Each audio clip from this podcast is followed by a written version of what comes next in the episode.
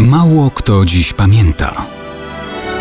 Datownik historyczny prezentuje Maciej Korkuć.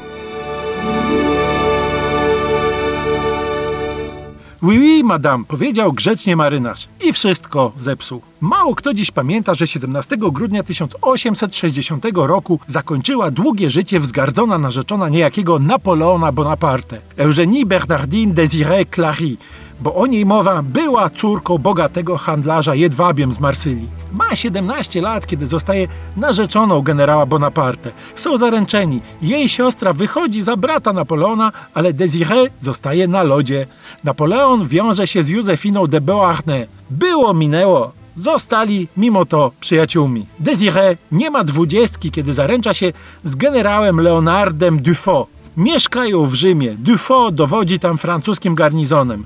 Na koniec grudnia 1796 roku wyznaczono datę ślubu, ale w przeddzień dochodzi w Rzymie do zamieszek. Dufaux ginie trafiony z broni palnej. Znowu klops. Ale nie ma tego złego, co by na dobre nie wyszło. Désiré wraca do Paryża i poznaje generała Jeana Baptiste Bernadota. Są zaręczyny, tym razem jest i ślub. Mąż awansuje, zostaje marszałkiem Francji, a w końcu adoptowanym synem bezdzietnego króla Szwecji. No niby pięknie, ale w Szwecji jest zimno. Désiré nie chce tam mieszkać. Wraca do Francji. On zostaje królem w 1818 roku. Ona nawet nie przyjeżdża na jego koronację. Ale rozrzutne życie wykańcza ją materialnie. Zostaje w końcu zmuszona do osiedlenia się w Szwecji. Tam utrzymuje ją państwo. Jest koronowana 11 lat po mężu. Spędza w Szwecji następne 30 lat. Nie lubi tamtego klimatu, również klimatu towarzyskiego, bardziej przypominającego sztywny dwór z krajów niemieckich.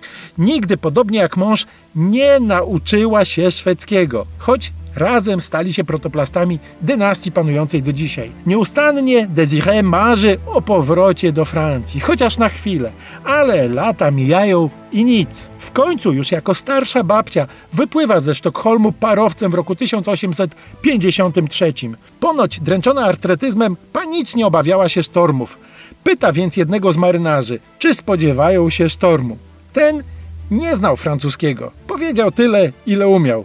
Oui, oui, madame. Więc królowa kazała zawrócić. Francji nie zobaczyła już nigdy. 17 grudnia 1860 roku zmarła nagle na pałacowych schodach.